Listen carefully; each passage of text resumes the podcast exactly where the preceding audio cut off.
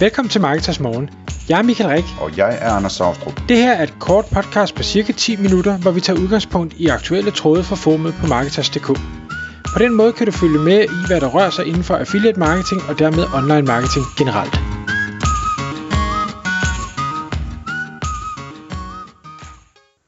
Godmorgen Michael. Godmorgen Anders.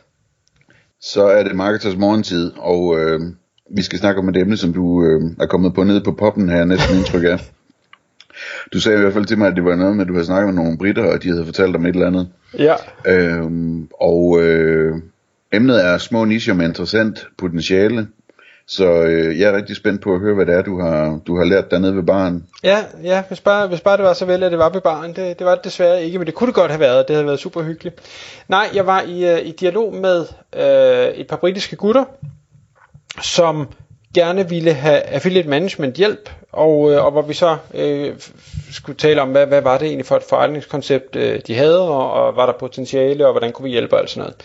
Og øh, det sjove var, at, øh, at de her britter øh, var faktisk på udkig efter at øh, købe en eksisterende virksomhed, hvor, hvor øh, ejeren gerne ville af med den, og, og de så et, øh, et, et udnyttet potentiale, og tænkte, at affiliate kunne være en, en en god start øh, på den her nye forretning. Og så sparede vi lidt øh, omkring det. Men det, det der var det interessante, det, det var egentlig mere det her med, at de, øh, ja, lad os bare sige, hvad det var.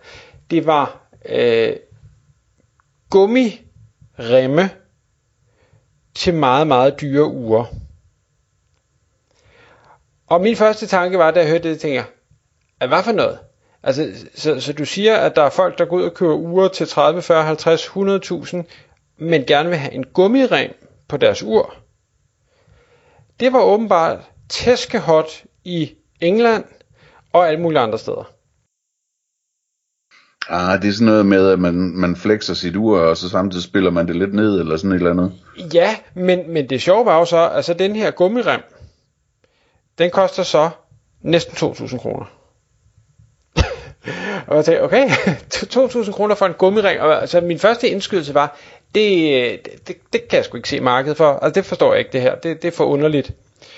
Og, men, men så fortalte de jo sådan lidt med, at, at det, det var ikke de eneste, der, der gjorde det. Øh, der var flere andre, og vi kiggede på nogle af konkurrenterne, og, og så kunne jeg jo godt se, at der er jo åbenbart et gigantisk marked for det her.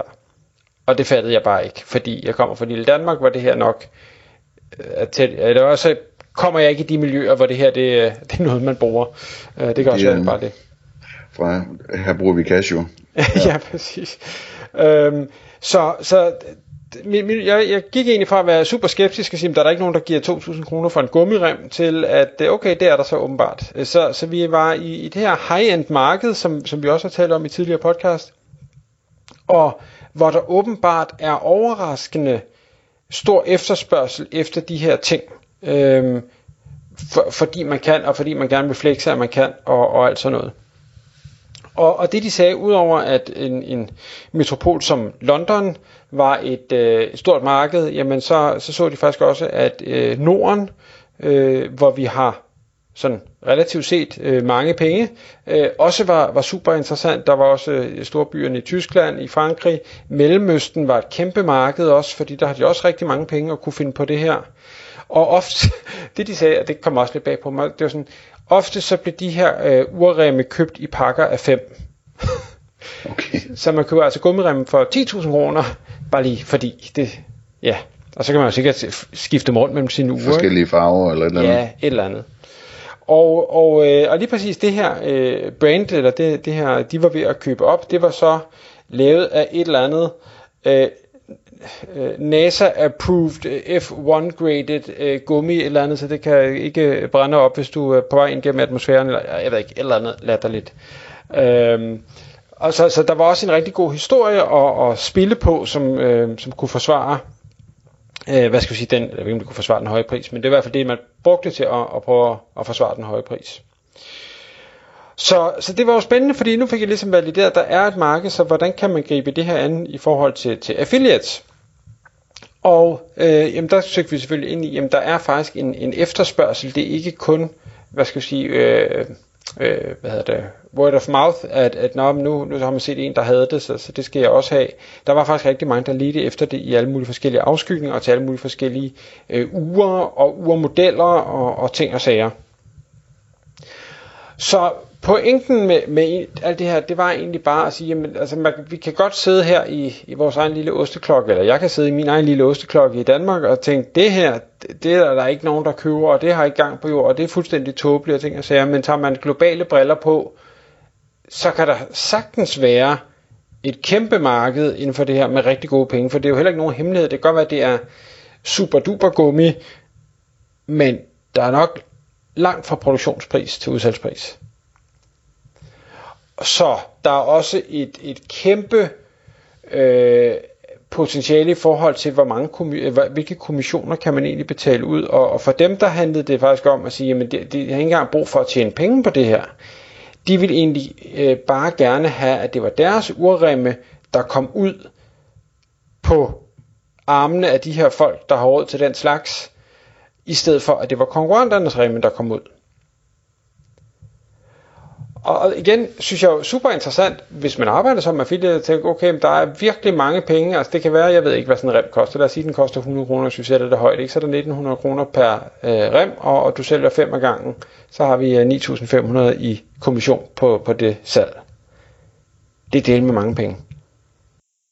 Det er spændende. Men altså, hvordan finder man sådan noget her?